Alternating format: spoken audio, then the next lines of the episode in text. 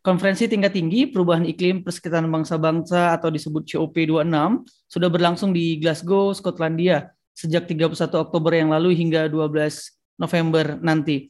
Pertemuan ini membahas upaya untuk mengatasi krisis iklim. Terjadinya krisis iklim diperkuat oleh laporan IPCC yang menyebutkan bahwa permukaan global telah menghangat dengan signifikan lima tahun terakhir menjadi rekor tahun terpanas setidaknya sejak tahun 1850-an. Laporan tersebut menyatakan pemanasan global telah menyebabkan berbagai fenomena iklim ekstrim di berbagai wilayah di seluruh dunia. Salah satunya kenaikan permukaan laut yang ekstrim, banjir, kekeringan, hingga kebakaran hutan. Dan tentu saja akan berdampak kepada ketahanan pangan dan lain sebagainya. Oleh karena itu, eh, COP26 menjadi momentum yang sangat penting pasca COP21 di Paris COP26 ini akan membahas dan memutuskan beberapa agenda pokok yang tertuang dalam kesepakatan Paris, di mana isu krusial dan cukup alot pembahasannya salah satunya adalah soal implementasi artikel 6 atau uh, sering disebut sebagai perdagangan karbon. Nah, sobat lingkungan, hari ini kita kedatangan tamu narasumber yang mumpuni gitu ya di bidangnya uh, untuk ngobrol-ngobrol soal COP ini. Apa sih COP ini gitu ya? Para anak muda yang selama ini aktif bersuara, berbuat dan melakukan sesuatu untuk menghadapi krisis iklim yang uh, telah nyata kita hadapin serta terus-menerus menyuarakan pentingnya para pemimpin untuk mengelang, uh, mengambil uh, aksi nyata. Ada Dipa dari pegiat Sekolah Tani Muda. Halo Mas Dipa. Halo Mas Iqbal. Uh, lalu kemudian yang kedua ada Rance, koordinator uh, Jeddah Iklim. Halo Rance. Halo Mas Iqbal, halo Dipa.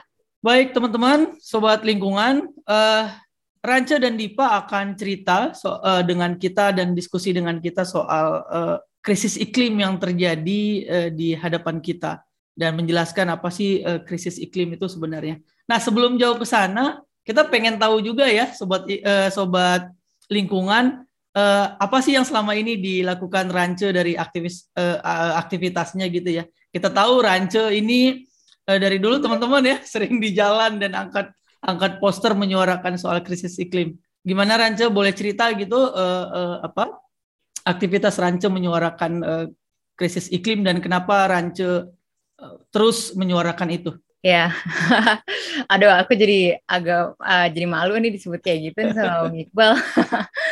Ya, uh, jadi uh, kebetulan udah hampir tiga tahun lah ya, uh, aku uh, gabung sama teman-teman gitu di Jeda Iklim. Uh, Jeda Iklim sendiri kan awalnya itu tahun 2019 ya, baru baru mulai kita itu climate strike pertama uh, di Indonesia, uh, dan sekarang udah uh, mau jalan tiga tahun gitu.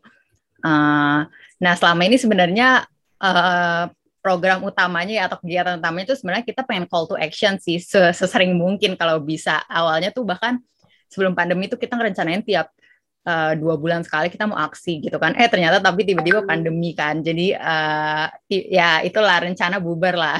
Akhirnya kita digital strike dan ya mulai uh, waktu ppkm udah mulai longgar dikit ya kita mau uh, coba-cobalah turun ke jalan gitu. Sebenarnya alasannya cuma satu sih kayak kalau aku tuh alasannya cuma satu karena bener-bener takut banget sih sama uh, bagaimana masa depan itu akan terlihat gitu ya. Kayak kan ke ya aku masih 20 tahunan dan kemungkinan besar gitu ya di mendekati 2100 ya aku masih hidup lah di dunia ini amin. Tapi kan kayak takut banget gak sih ngebayangin uh, kalau misalkan aku diem aja gitu ya dan membiarkan nih kondisi ya status quo yang sekarang kondisi uh, emisi gas rumah kaca naik gila-gilaan, kebijakan juga benar-benar ngedukung kehancuran iklim. Masa aku diem aja gitu kan? Padahal yang iya, iya. dilakukan kan masa depanku gitu. Jadi benar-benar takut sesimpel kayak karena takut nggak bisa hidup di masa depan aja sih karena iya. kondisi lingkungannya udah nggak nggak mendukung banget gitu. Makanya uh, ya nggak apa-apa lah capek-capekan gitu sekarang masih muda dan masih ada tenaganya gitu kan. Uh, masih ada tenaganya, masih ada waktu uh, ya turun lah nggak apa-apa capek-capean walaupun harus panas-panasan. Ya emang kadang panas banget sih. Uh, terus kayak ya capek meeting sana sini terus kan ngorganisir dan segala macam supaya ya harapannya di masa depan bisa tinggal bisa santai-santai lah gitu. Bisa hidup enak. Ya layak lah layak gitu hidup layak dan enak. Uh, di ke depannya gitu sih.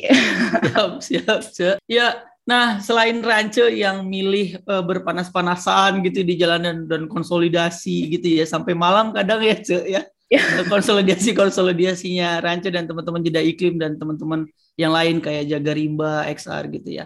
Nah, ini ada juga Mas Dipa yang milih bertani ya Mas ya di apa di sekitaran Jakarta. Salah uh, apa salah satu aktivitas yang mungkin tidak di pikiran anak muda gitu ya, tapi Mas Dipa uh, mengambil langkah itu. Dan kalau ngobrol Mas Dipa ya, saya tanya-tanya teman-temannya lebih senang dipanggil sebagai petani daripada sebagai apa gitu ya. Halo Mas Dipa, uh, mungkin bisa cerita ke kita gitu ya aktivitas Mas Dipa selama ini dan kenapa memilih uh, aksi itu gitu Mas? Uh, Sebenarnya aku berangkat yang sama dengan Ranja gitu. Kenapa hanya bergerak gitu?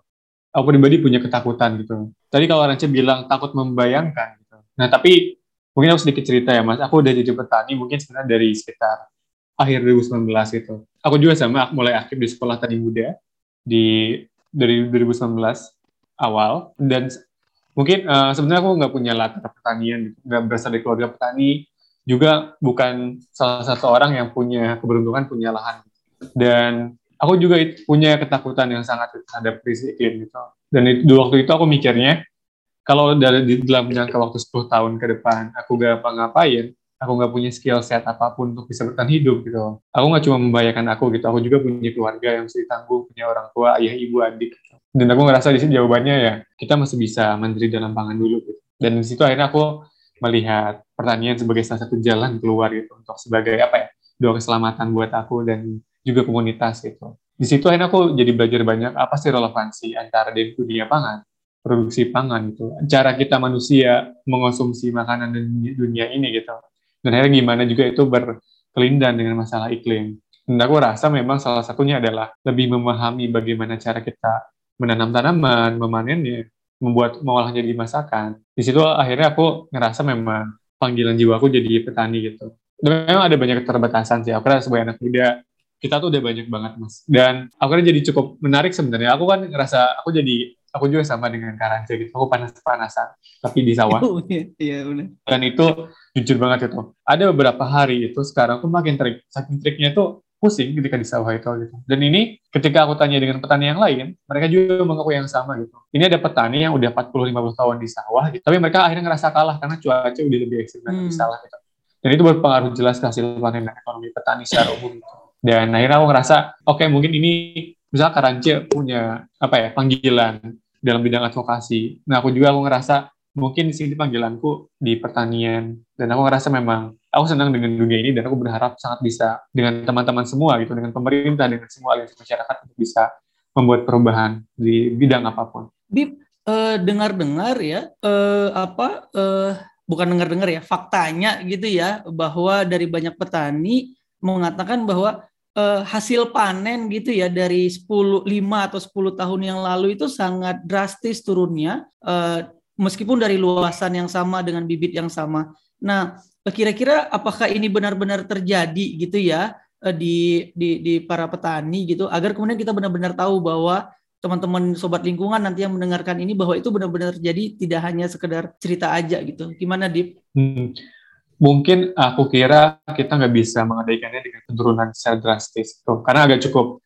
apa ya ambiguous. Uh, tapi di sini aku kira ada satu kata yang tepat mungkin kerentanan gitu. Dan itu uh, benar mas sangat sangat rentan. Uh, krisis iklim ini sangat berdampak gitu pada produksi tanaman dan juga tentu pengolahan pasca panennya. Misalnya di padi gitu kita di tahun 2020 sampai 2021 ini kita ngalamin lanina gitu. Artinya uh, curah hujan curah musim hujan meningkat. Ini berpengaruh biasanya misalnya dari 100 kilo gabah ini jadi 50 kilo beras, turun jadi misalnya sekarang ketika karena lanina, karena uh, curah hujan lebih banyak, udara lebih lembab, turun ke 45 kilo lebih beras. Ini juga berpengaruh sebenarnya pada rasa. Dan dalam beberapa aspek lain, ini juga bisa berpengaruh pada ledakan dan siklus serangga-serangga herbivora yang memakan tanaman pangan kita gitu. Misalnya dalam ada banyak riset yang menunjukkan misalnya dalam suatu iklim yang lebih hangat, eh, faktor-faktor uh, penyakit ataupun serangga seperti kutu kebul itu uh, punya apa ya? Mereka berkembang lebih cepat dan lebih banyak. Dan ini terjadi misalnya Mas, uh, kita ingat banget mungkin di tahun 2020 akhir sempat ada kenaikan cabai gede besar-besaran dan kita tahu itu lagi musim hujan dan banyak sekali cabai petani terkena jamur dan virus itu. Yang itu diakibatkan karena ya perubahan cuaca sekarang makin ekstrim. Itu sangat terasa mas. Saya sendiri merasakannya waktu itu gitu.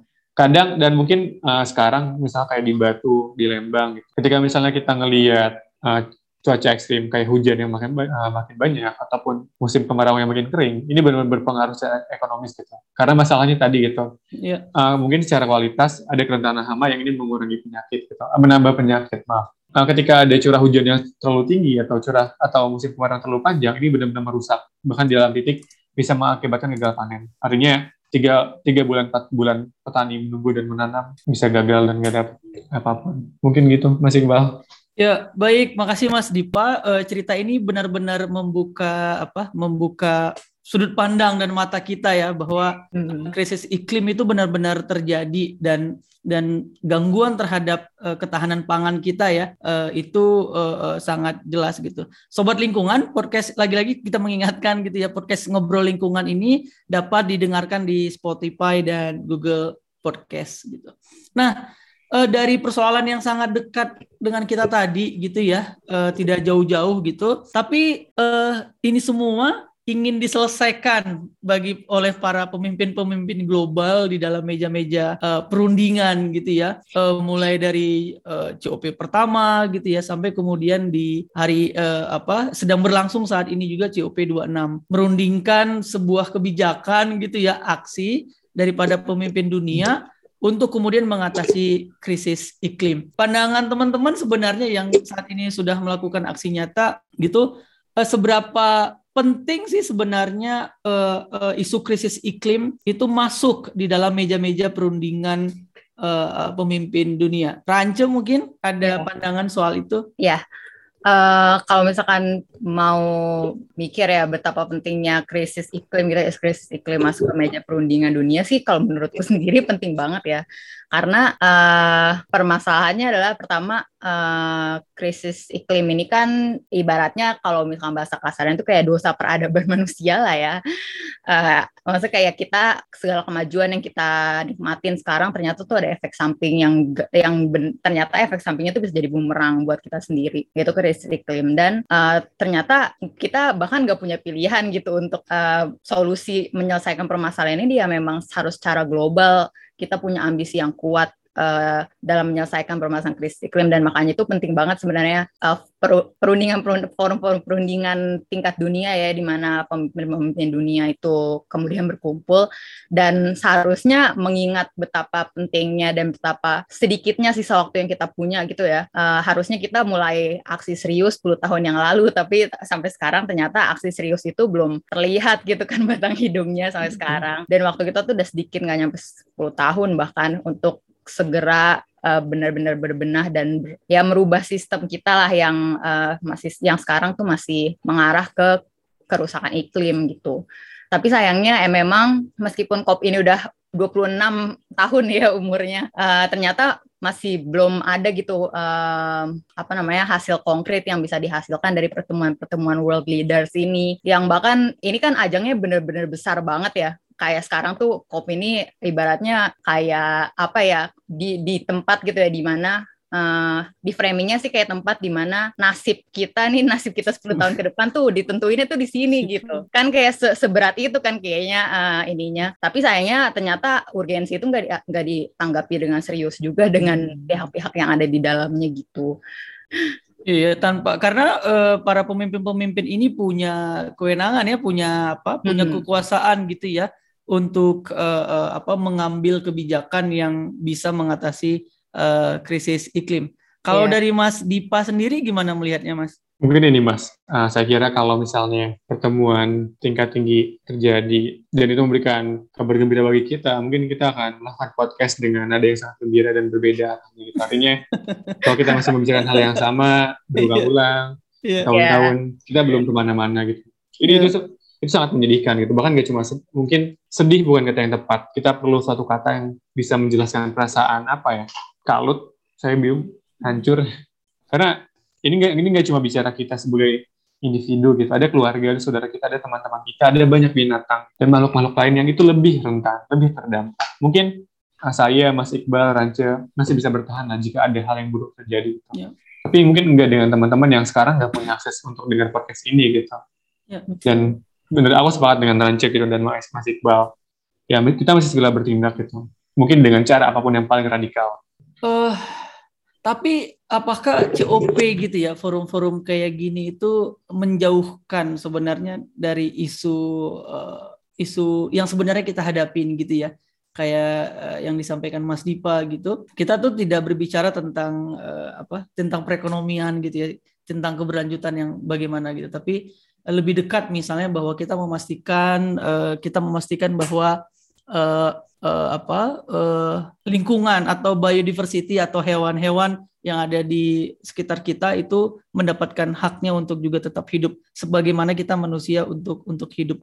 Tapi ini memang sejauh itu nggak sih sebenarnya obrolan-obrolan di COP sana mungkin Rance punya pantauan gitu di sana? Iya, uh, sejauh yang aku tahu dan selama beberapa hari yang aku pantengin sih ya kalau untuk negosiasinya ya kayaknya sih nggak sampai sejauh itu ya bang.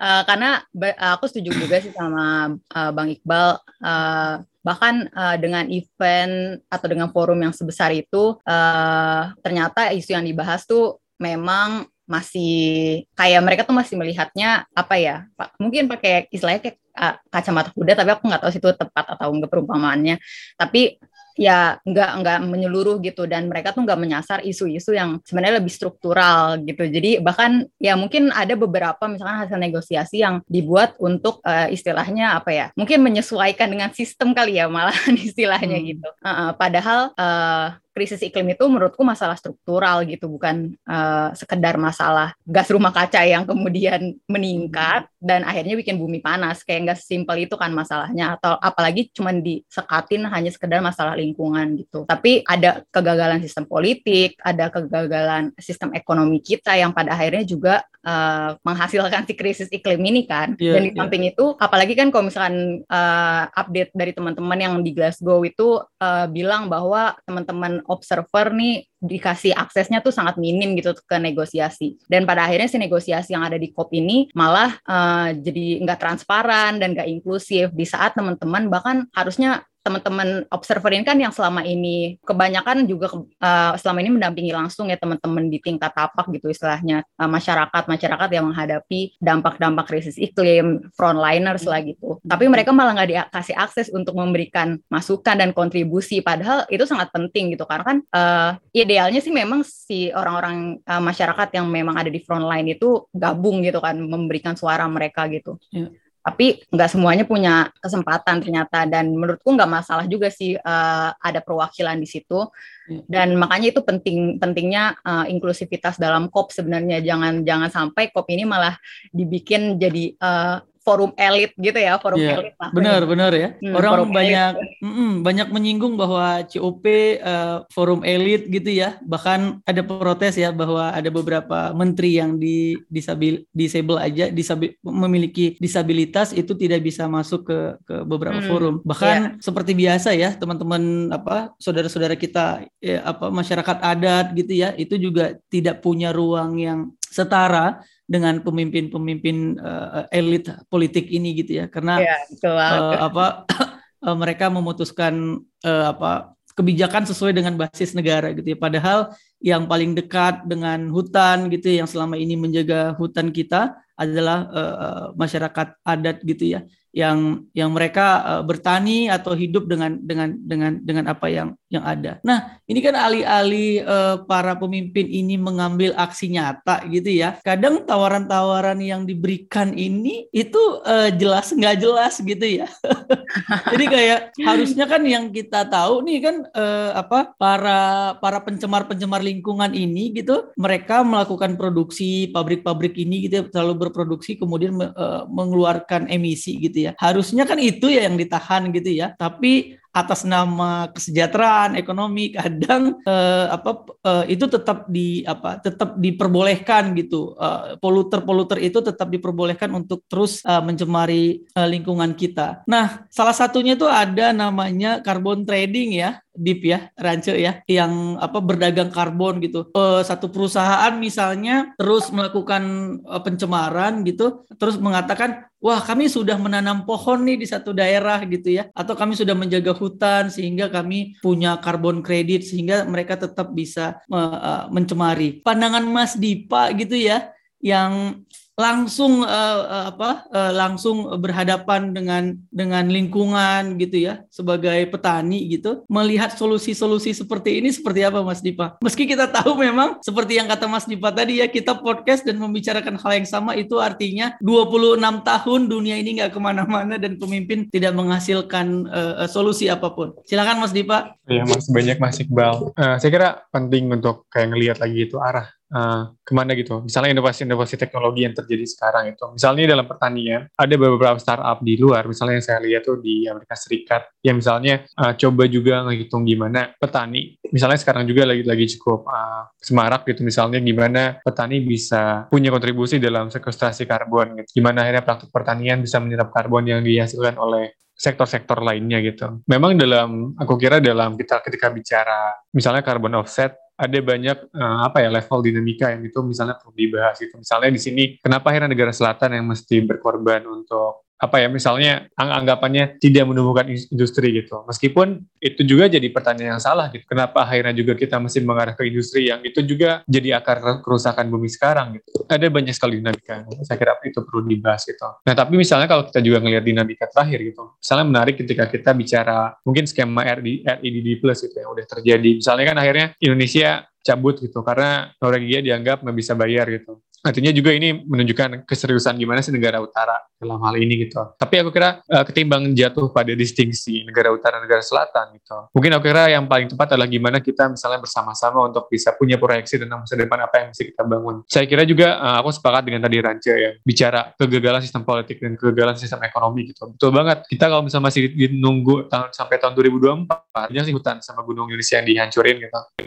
Berapa banyak sih waktu yang terbuang gitu. Oke lah misalnya tahun ternyata di kita ketika bicara nasional 2024 kita berhasil memilih wakil rakyat yang pro lingkungan, peduli iklim gitu, siap melakukan aksi radikal dalam menyelamatkan umat manusia dan bumi gitu. Kalau kejadian, ternyata kita masih nunggu 2029, udah berapa banyak orang yang meninggal gitu. Aku kira di sini sih kayak uh, kita sebagai masyarakat sipil gitu perlu punya langkah-langkah taktis atau mungkin dalam bahasa lain, bahasa apa ya, langkah-langkah yang progresif revolusioner dalam upaya menyelamatkan kita gitu dan keluarga kita dan teman-teman. Karena memang ada banyak sekali tantangannya gitu dan saya kira uh, apa ya ketika kita bicara institusi sosial dalam merespon peristiwa iklim yang ini sangat katastrofik gitu ini benar-benar gak dipahami secara utuh gitu. Meskipun udah banyak laporan saintifiknya jelas-jelas ada IPCC gitu ya, tapi yang climate denial masih banyak juga gitu. Nah, artinya kayak aku kira di sini sih oke okay lah kita tahu gitu. Uh, itu saya juga pribadi nggak berharap banyak sama pemerintah sekarang gitu dan nggak berharap banyak sama COP26 gitu.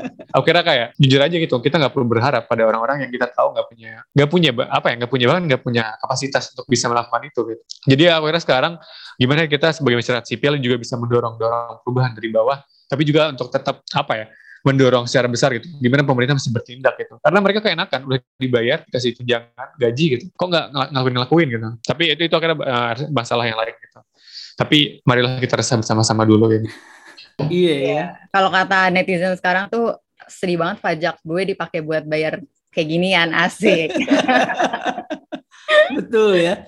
Atau pajak gua di pajak kita tuh dipakai cuman uh, orang yang cuma bisa berpikir bahwa pembangunan tidak boleh terhenti atas nama uh, deforestasi gitu ya. Oke, okay. uh, benar uh, sobat lingkungan kita masih apa? Masih akan ngobrol-ngobrol gitu ya. Nah, podcast ini teman-teman bisa dengarkan di Spotify dan uh, Google Podcast tentu saja. Nah, uh, setelah carbon trading lalu kemudian mereka tidak uh, tidak sebenarnya tidak ngapa-ngapain ya maka sampai Mas Dipa bilang kayaknya kita harus berhenti berharap nih bagi para para pemimpin-pemimpin dunia ini meski kita tahu mereka punya uh, kewenangan yang yang besar gitu ya.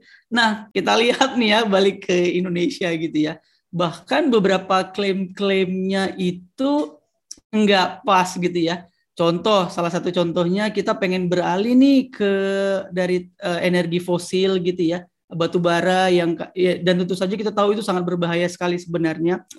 Tapi dominasi listrik kita masih masih masih banyak dari batu bara gitu ya. Dan kita mau uh, beralih. Nah, tapi presiden menyebutkan malah biofuel gitu ya. Kita tahu biofuel itu tidak disebut sebagai renewable energy yang sebenarnya, tapi biofuel itu adalah uh, energi bersih iya gitu ya. Tapi uh, ketika kita ingin memproduksi biofuel sampai B100 gitu, uh, hasil riset Greenpeace terakhir itu menyatakan kita masih membutuhkan 9 juta uh, lahan sawit baru. Nah, itu kan sebenarnya angka yang cukup uh, besar ya. Kita aja satu meter susah dapatnya Mas Dipa ya untuk bertani ya. Tapi perusahaan-perusahaan besar ini uh, punya punya kemampuan untuk melakukan deforestasi. Nah, kita ke, mau, saya mau ke situ tuh. Uh, kenapa sih sering sekali uh, pembangunan itu atas nama pembangunan nasional atau pembangunan besar-besaran atau infrastruktur sering sekali dibenturkan dengan uh, apa? Dengan isu lingkungan hidup gitu ya. Uh, bahkan kalau kita lihat-lihat ya, Mas Dipa ya Raja di komen-komen netizen itu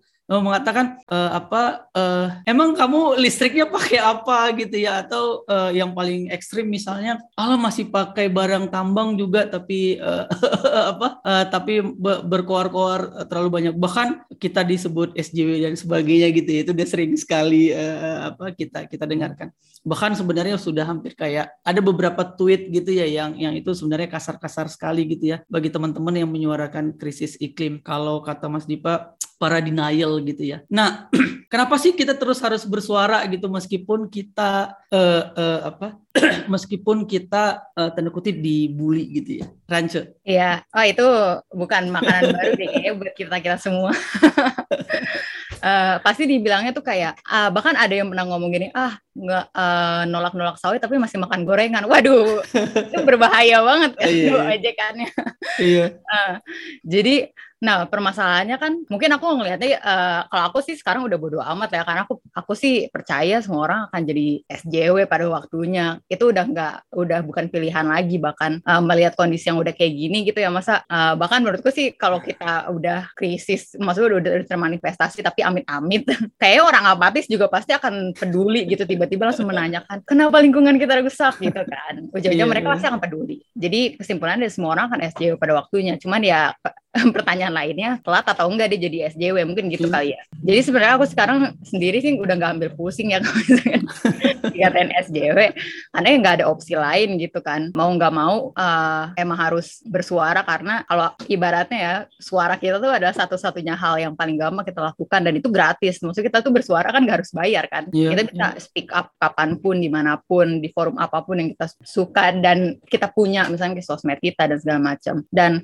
benar banget sih sekarang sebenarnya itu narasi yang membenturkan antara pembangunan dengan lingkungan itu kan udah udah, udah usang banget kan. Yeah. Uh, sistem ekonomi yang seperti itu yang itu mah ibaratnya kayak makanan elitis aja gitu sengaja di, hmm. dinaikin lagi padahal ibaratnya kayak Kuznets curve lah ya itu kan udah udah yeah. banget konsepnya benar, gitu benar benar udah ya udah banyak tandingannya kan contohnya kayak ya yang cukup terkenal kan uh, ekonomi donat gitu kan yang yeah. yang berusaha untuk mengarus utamakan lah sistem ekonomi yang baru di mana uh, batasan sosial dan lingkungan itu harus dipertimbangkan dan diperhitungkan dalam ekonomi gitu jadi jangan sampai ekonomi kita uh, pembangunan besar-besaran demi ekonomi. Padahal apakah benar-benar mensejahterakan rakyat? Tuh contohnya pembangunan kita makin banyak, tapi kesenjangan itu makin besar gitu kan. Yeah. Uh, maksudnya alih-alih gap itu ditutup gitu ya sama senjangan eh maksudnya sama pembangunan yang dibangun gitu. Uh, ternyata gap itu makin besar. Mungkin memang uh, jumlah misalkan orang yang maksud jumlah orang yang berada di bawah garis kemiskinan sih mungkin berkurang ya bisa jadi gitu. Aku sebenarnya kurang tahu juga sih datanya Tapi ada kan, bias ini enggak ya? Bias Ranca kan aktif juga ya di sosial media Mas Dipa juga. Ada bias uh, kota nggak ya? Atau bias Jakarta? Lagi-lagi ini tidak mencoba untuk membenturkan tapi ya uh, kemiskinan, uh, akses terhadap uh, pendidikan, akses terhadap kesehatan, kalau di luar kota-kota besar tuh sebenarnya kan masih sangat hmm. sulit gitu ya. Hmm. Uh, uh, jadi ketika kita ngomongin pembangunan, wah Indonesia masih punya uh, masih butuh pembangunan nih. Gitu. Hmm. Iya, nah iya benar banget. Aku juga bahkan kadang-kadang aku tuh suka ngerasa kayak aku masih punya bias urban itu sih, maksudnya bias kota itu ketika ngomong. Makanya uh, uh, apa namanya bahkan maksudnya anak-anak yang seumuran aku di daerah lain tuh nggak punya platform bahkan untuk ngomong kayak gini di podcast yeah. di podcast kayak gini kan belum mereka tuh nggak ada gitu akses atau mendengarkan podcast podcast dan segala macem itu juga nggak uh, beberapa nggak punya akses. Dan uh, sering kali memang pemerintah kita juga nggak memberitakan gitu. Yang diberitakan selalu pembangunan itu tuh udah merata. Semua orang tuh meningkat kesejahteraannya. Padahal nggak kenyataannya ditapak kan nggak selalu kayak gitu. Uh, maksudnya kayak manfaat yang diperoleh dari sistem ekonomi kita nih sekarang. Itu apakah benar-benar itu kan ibaratnya cuma kayak tetesan kecil-kecil aja nggak sih yang turun ke ke masyarakat gitu. Sedangkan sebagian besar tuh diambil sama misalkan kayak pengusaha dan atau uh, ya elit-elit uh, lain lainnya lah gitu. Jadi uh, ibaratnya kalau aku sih nggak sepakat ya maksudnya kayak ya menolak banget lah ide pembangunan itu harus uh, yang mengorbankan yeah. ekonomi itu udah usang banget aku yeah. bahkan kayak kaget kenapa ada yeah. masih ada orang yang berpikir begitu nah yeah. sama nih uh, uh, apa tweetnya Bu Menteri kan juga mengatakan hmm. bahwa kita masih membutuhkan deforestasi gitu ya bagi orang-orang yang di remote gitu ya bagi apa uh, bagi orang-orang yang tidak punya akses gitu terhadap terhadap terhadap pembangunan. Itu satu. Seringkali sekali dibenturkan begitu ya. Lalu kemudian eh, agrikultural petani gitu ya juga sering eh, sekali itu di, dibenturkan. Kayak beberapa kebakaran gitu ya. Kita ya. tahu kebakaran paling besar ada di mana gitu ya. Ada di wilayah korporat korporat tapi yang kemudian sering hmm. sekali ditindaklanjuti ditangkap adalah masyarakat gitu ya. Sering sekali eh, alasannya karena masyarakat akan membuka lahan dan sebagainya. Sering sekali ya itu ya. Jadi hmm. eh, entah kenapa gitu ya untuk ketika ketika mau ngomongin masalah gitu kita dibenturkan sama uh, orang-orang yang uh, sebenarnya tidak dilibatkan selama ini secara langsung gitu tapi sering sekali dipersalahkan. Mas Dipa melihat narasi-narasi begini itu gimana ya Mas? Terutama semangat petaninya gitu ya. Saya kira uh, menarik banget sih mas. Misalnya ketika kita bicara bias urban dan bias desa, misalnya, aku kira kayak sebelumnya kita perlu dulu ngelihat perspektif yang tepat gitu. Uh, saya bisa berani uh, berani bilang gitu, saya salah satu orang desa yang akhirnya masih ke kota gitu. Karena sederhananya ya desa nggak menawarkan apa-apa, nggak ada penghidupan yang layak gitu. Saya di desa nggak punya lahan, jauh-jauh cuma jadi buruh tani, kerja tetap di lahan orang. Ketika orangnya mau ambil lahannya, saya terusir gitu ini aku rasa penting banget gitu. Karena memang apa ya, perspektif pembangunan di desa pun masih terbatas, sangat bias gitu. Nah, aku kira ini juga jadi menarik misalnya bahkan ketika kita bicara 70 tahun yang lalu gitu, Bung Hatta udah bicara gimana sih mestinya itu ekonomi nasional kita ini dibangun dari desa. Gitu. Hmm. Tapi memang juga kembali perlu lihat itu pembangunan desa seperti apa yang kita harapkan. Apakah dengan membangun pabrik-pabrik di desa, membangun industri batu bara dan tambang ke desa, karena itu yang terjadi sekarang gitu. Ada pembangunan, tapi ya industri ekstraktif. Aku kira di sini yang pentingnya tadi Oke, kira Ranci udah apa ya mengemukakan kosakata yang tepat soal daunan ekonomi misalnya. Gimana aku kira penting banget kita sekarang untuk memperbaharui lagi gitu. Secara kita berpikir secara ekonomi. Dan betul banget aku kira ada beberapa kerancuan gitu. Misalnya sering kali orang ngelihat bahwa ketika kita bicara ekonomi sesuatu entitas yang terpisah dari alam gitu kita nggak hidup dalam the matrix gitu. Kita tuh emang hidup di dunia yang itu tuh berdasarkan pada lingkungan. Lingkungannya rusak, kita rusak. Sederhana itu gitu. Artinya kita mesti cari model pembangunan yang itu rusak. Kadang ini emang sederhana gitu mungkin aku kira jadi menarik misalnya tadi bicara SJW. Jujur jujur aku pribadi ketika tapi aku belum pernah bilang SJW kenapa. Tapi ketika aku dibilang SJW aku akan bangga karena ya secara harfiah aja ini pejuang keadilan sosial gitu. Sosial. Oh bos, ini ada sila kelima di Pancasila gitu. Ini ada konstitusi. Ya di situ kalau misalnya dibilang SJW kita mesti bangga. Kita ini pejuang Pancasila, gitu. pejuang konstitusi, gitu. melangsungkan amanat negara gitu. Jadi kalau teman-teman dibilang SJW bangga hati. Aku kira penting banget itu gitu. Benar, benar, Mas. Dan akhirnya benar sih Mas. Aku kira di sini ketika kita bicara lagi ya misal bias urban dan bias desa gitu. Aku kira sebelum membicarakan bias gitu, karena aku kira dari kita di sini bertiga gitu, siapa sih yang pengen banget hidup di Jakarta macet-macetan. Kadang aku misalnya pulang pergi dari Ciputat kerja di Padang itu pulang jam kerja, oh ya gila. Pulang itu Isya langsung tidur, jam 11 bangun lagi gitu. Aku nggak mau. Aku kira aku bisa bilang mungkin sama halnya dengan Mas Iqbal, Ranja gitu. Kita semua pengen hidup yang damai, damai, kerja remote gitu. Ada kebun, bisa makan, main sama kucing gitu. Aku kira Wah. kita pengen semua gitu gitu. Tapi bener, terbatas bener. bos gitu. Kita nggak punya 3 hektar masing-masing. Kita mesti membuang nasib ke ibu kota lalu bekerja gitu sampai tipes dan lain-lain. Nah akhirnya aku kan di sini sampai tipes dan asam lambung mas Dipa. Seperti apa gitu. Ya hustle culture ya sekarang ya zamannya ya. itu mas kayak itu malah disukain sama orang-orang gitu dipuja-puja padahal salah gitu. Mungkin di sini aku saya pengen cerita sih perspektif saya mungkin sebagai seorang muslim gitu. Saya sih ya memang sederhana gitu. Tadi misalnya Prancis cerita, kok nolak sawit tapi makan gorengan. Ya oke okay lah gitu, saya kurangin makan gorengan. Saya cuma makan apa yang saya tanam gitu. Tapi ya akhirnya tetap dunia seperti ini gitu. Dan saya sih di sini ngerasa gitu, sebagai seorang muslim gitu, kita punya prinsip yang jelas dan mudah gitu ya, amar ma'ruf nahi munkar, gitu. dorong yang baik, cegah yang buruk gitu. Dan kalau kita tahu bahwa upaya konsumsi beberapa barang ini ternyata punya dampak yang buruk gitu ya, kita kurangi gitu. Dan memang yang perlu banget sering kali luput dari perdebatan ini adalah apa alternatifnya gitu kalau kita gampangkan gorengan, kita makan apa? Dan gimana ngedorong pemerintah untuk juga ngedorong industri ke arah sana gitu. Ini yang sering kali aku luput dari perdebatan. Makan gorengan, naik mobil, yeah. pakai listrik gitu. Kalau kita udah ngelakuin itu, lalu pemerintah ngelakuin apa gitu? Yang dikasih yeah. dana, punya dana apa biar triliunan tiap tahun, tapi nggak ngelakuin apa-apa gitu. Misalnya saya gitu, mas, saya udah didiam di Sukabumi Selatan, nggak pakai listrik, udah nggak makan gorengan, benar-benar hidup no badan gitu. Perihal masyarakat 10 ribu tahun yang lalu gitu. Tapi kan dunia tetap seperti ini gitu. Artinya memang jangan sampai kita terjebak pada perdebatan individual gitu. Iya, kamu udah apa, ya. kamu udah ini. Tapi gimana akhirnya kita mesti mendorong sistem yang itu mengubah kita semua gitu. Ubah mereka yang bertanggung jawab. Mantap.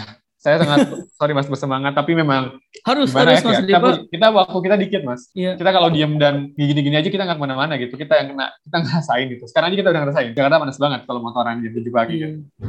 Ini menandakan bahwa ekonomi yang kita banggakan ini yang terus-terus diperdebatkan ini padahal sebenarnya tidak kita nikmati banget ya dan ini cuma dinikmatin sama uh, segelintir orang gitu ya. Bagi kita bahkan kayak saya ya Mas Dipa ya, saya tinggal di Bogor dan lalu bekerja di Jakarta. Komuter gitu ya bisa dibayangkan sejauh itu gitu. Tapi kita uh, iya banyak yang kemudian membayar mem membanggakan uh, sistem ekonomi itu lalu kemudian terjebak dalam dalam apa? dalam debat-debat uh, individual ya. Uh, poin penting dari Mas Dipa tadi soal apa soal debat-debat uh, individual. Ranca ya. mungkin hmm, ada pandangan, Cek? Ya, aku setuju banget sama Iqbal. Uh, jangan sampai kita tuh terjebak sama narasi individual. Yang mungkin perlu digarisbawahin juga kali ya, kalau misalnya kita ngomongin soal individu adalah kapasitas dan kemampuan setiap individu tuh berbeda gitu satu sama lain. Maksudnya, uh, ya mungkin ada orang-orang yang bisa merubah gaya hidupnya jadi lebih rendah karbon, benar-benar total zero karbon gitu. Uh, sedangkan kalau misalkan sekarang ya kita ngelihat uh, dengan barang-barang yang tinggi karbon tuh masih dapat subsidi, masih didorong-dorong, terus barang-barang yang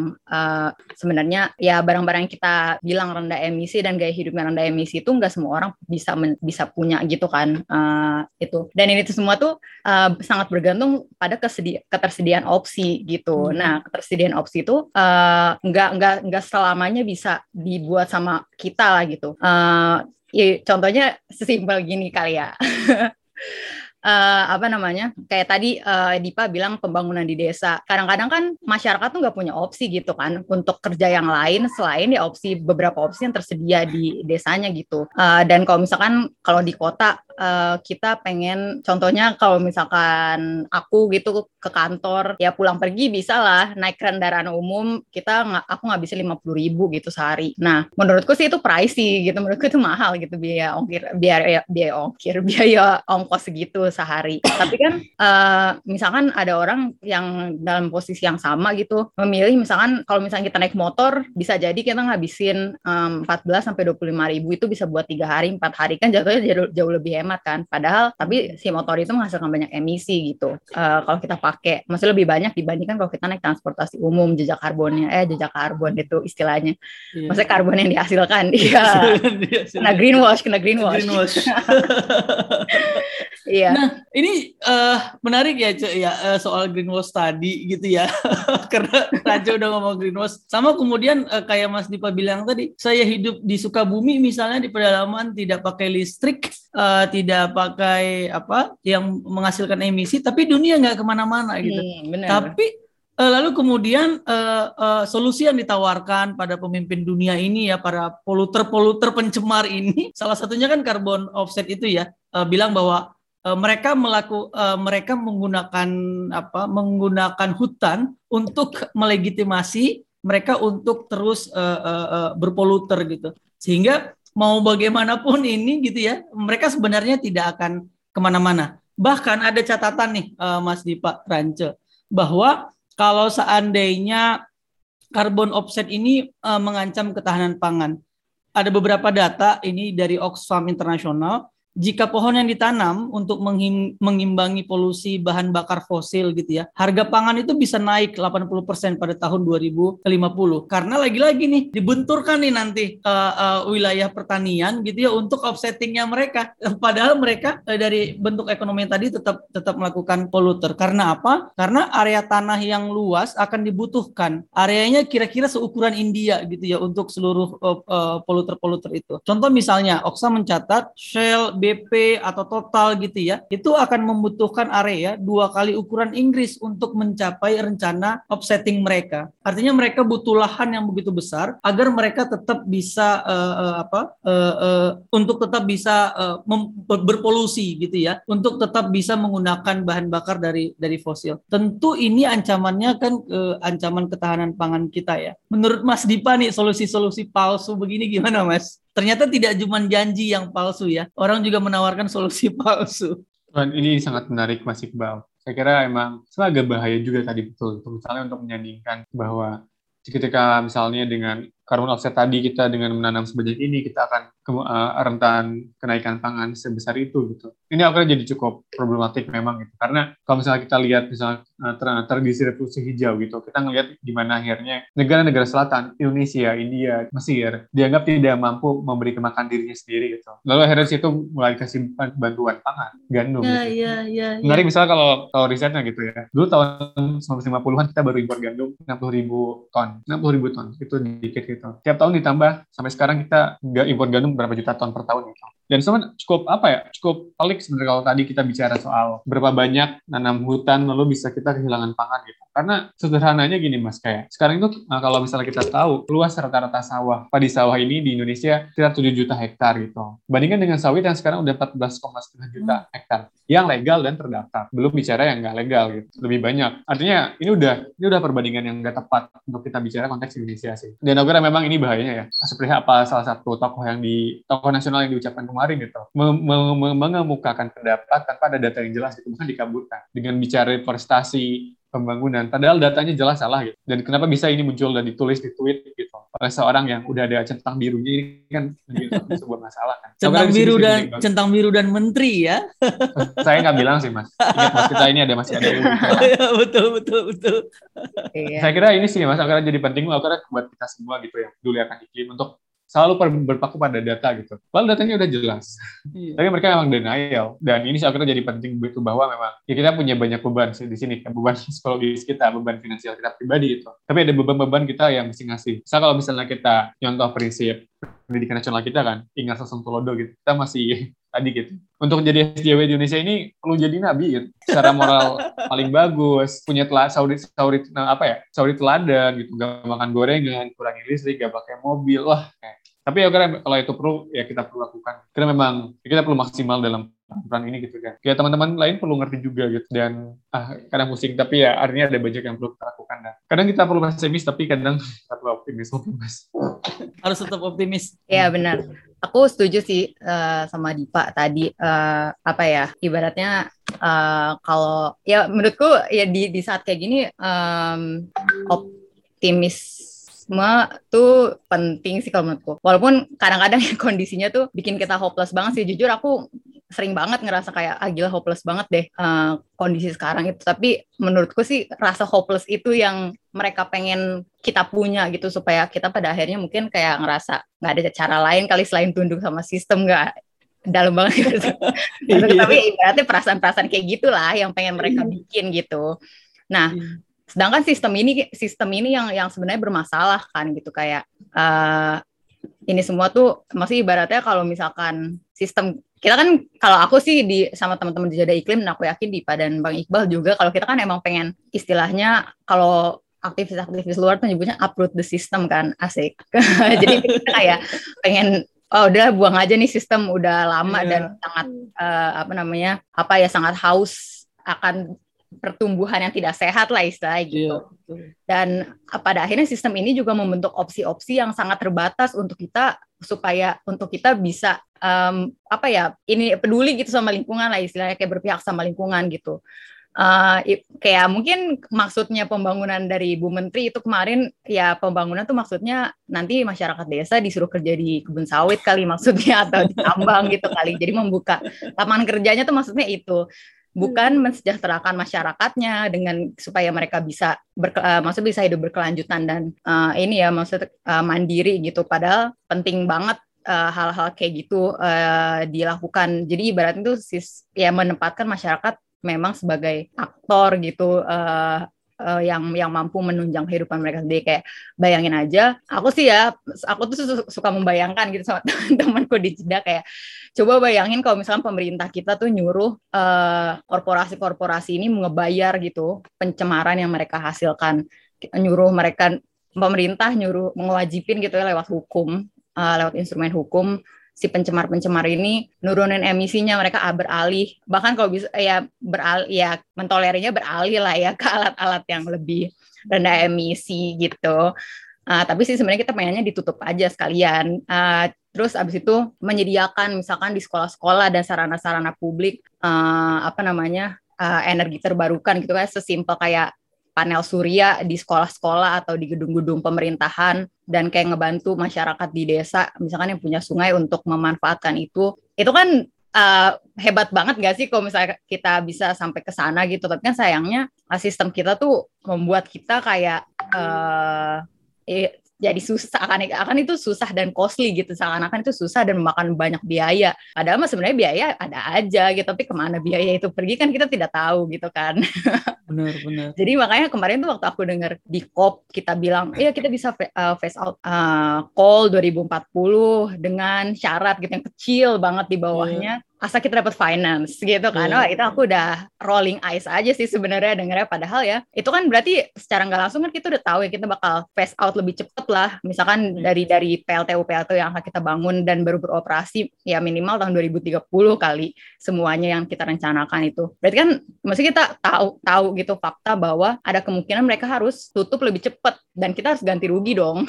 Kayak udah tahu kita harus ganti rugi kenapa kita harus masih harus ngebangun itu in the first place gitu kan. Padahal padahal uang-uang maksudnya kayak uang kita tuh bisa dialih-alih buat kayak mendanai PLTO PLTO yang um, masih belum dibangun ini dan pada akhirnya harus kita tutup lebih cepat dan rugi kitanya juga. Kenapa nggak nggak digunakan untuk scale up uh, energi terbarukan yang uh, di, di tingkat nasional dan daerah bahkan sampai tingkat tapak gitu. Dan seenggaknya tuh bantuan finance yang pada akhirnya kita dapat, misal kita dapat ya, eh, nggak uh, dipakai buat ngeganti rugi PLTU yang harus tutup cepet itu kan. Kita kenapa gitu? Kenapa logika logika ekonomi itu nggak nggak masuk menurutku uh, ketika aku ngedenger itu. Jadi aku ketawa aja sih denger itu emang emang akal-akalan akrobat akrobat gitu kalau aku bilangnya.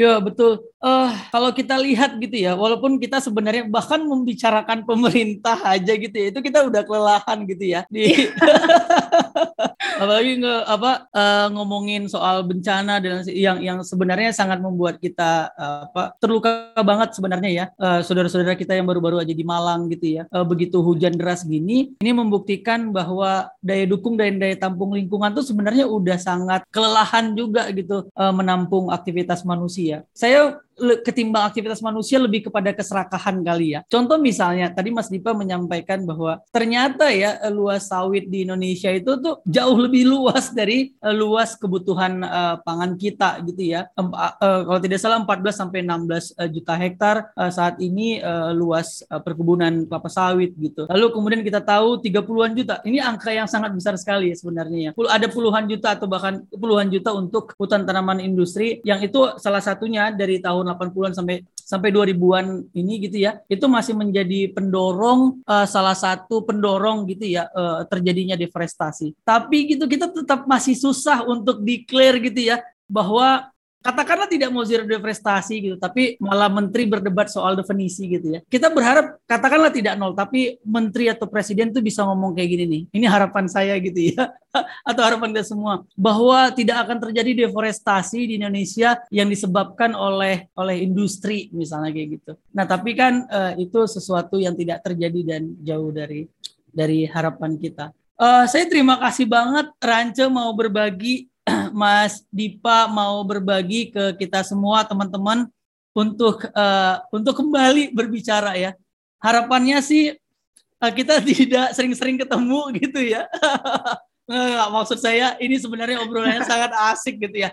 Tapi membicarakan bencana untuk terus-terusan kita bicarakan, hmm. kayaknya butuh topik lain ya Mas Dipa ya. Kita ngopi gitu ya sambil melihat uh, hasil panen tani di Tangsel. Gimana Mas Dipa? Nah, cocok tuh, ya, cocok. banget Mas di Ciputat. iya dan gak jauh juga ya. Jadi ya uh, kayaknya bisa juga nih Rance teman-teman jeda iklim kita ngobrol-ngobrol di tempat Mas Dipa kali ya agar nah, mereka cocok tuh boleh tuh direncanakan mas iya nih bosen kayak mas. Jadi, ya kita tuh bosen gak sih kayak tiap bulan aksi iya. gitu-gitu aja kayak udah tiga tahun kita aksi ya kayak bener tadi kata Dipa ya dunia gini-gini aja gitu kan. Kayak nah uh, ada ide nih dari Mas Tommy. Nanti kita eh, backgroundnya kebun atau sawah biar lebih fresh gitu ya. Nah, ngomong langsung dari dari lokasi. Rancu, uh, closing statement kali ya, uh, apakah hmm, walaupun kita nggak punya, punya, bukan nggak punya harapan, kita masih berharap banyak gitu ya, tapi kita tahu itu adalah satu hal yang sulit, tapi Ranca tetap semangat sampai sekarang uh, bersuara dan dan turun ke jalan gitu ya melakukan konsolidasi. Apa yang membuat Ranca terus semangat, semangat gitu dan gitu, tetap dan menjaga tetap, bahwa masih ada peluang untuk bumi yang lebih baik? Ya, uh, kalau misalkan dari aku sih sesimpel uh, mungkin terdengarnya agak egois kali ya, tapi ya karena bisa dibilang alasan paling utamanya adalah karena peduli sama diri sendiri dan orang-orang sekitar aku ya, maksudnya orang-orang yang uh, penting lah buat aku uh, gak bisa banget lah istilahnya membayangkan kalau uh, diriku sendiri dan mereka gitu ya kayak uh, keluarga dan teman-teman dekat aku yang uh, apa namanya sebenarnya tuh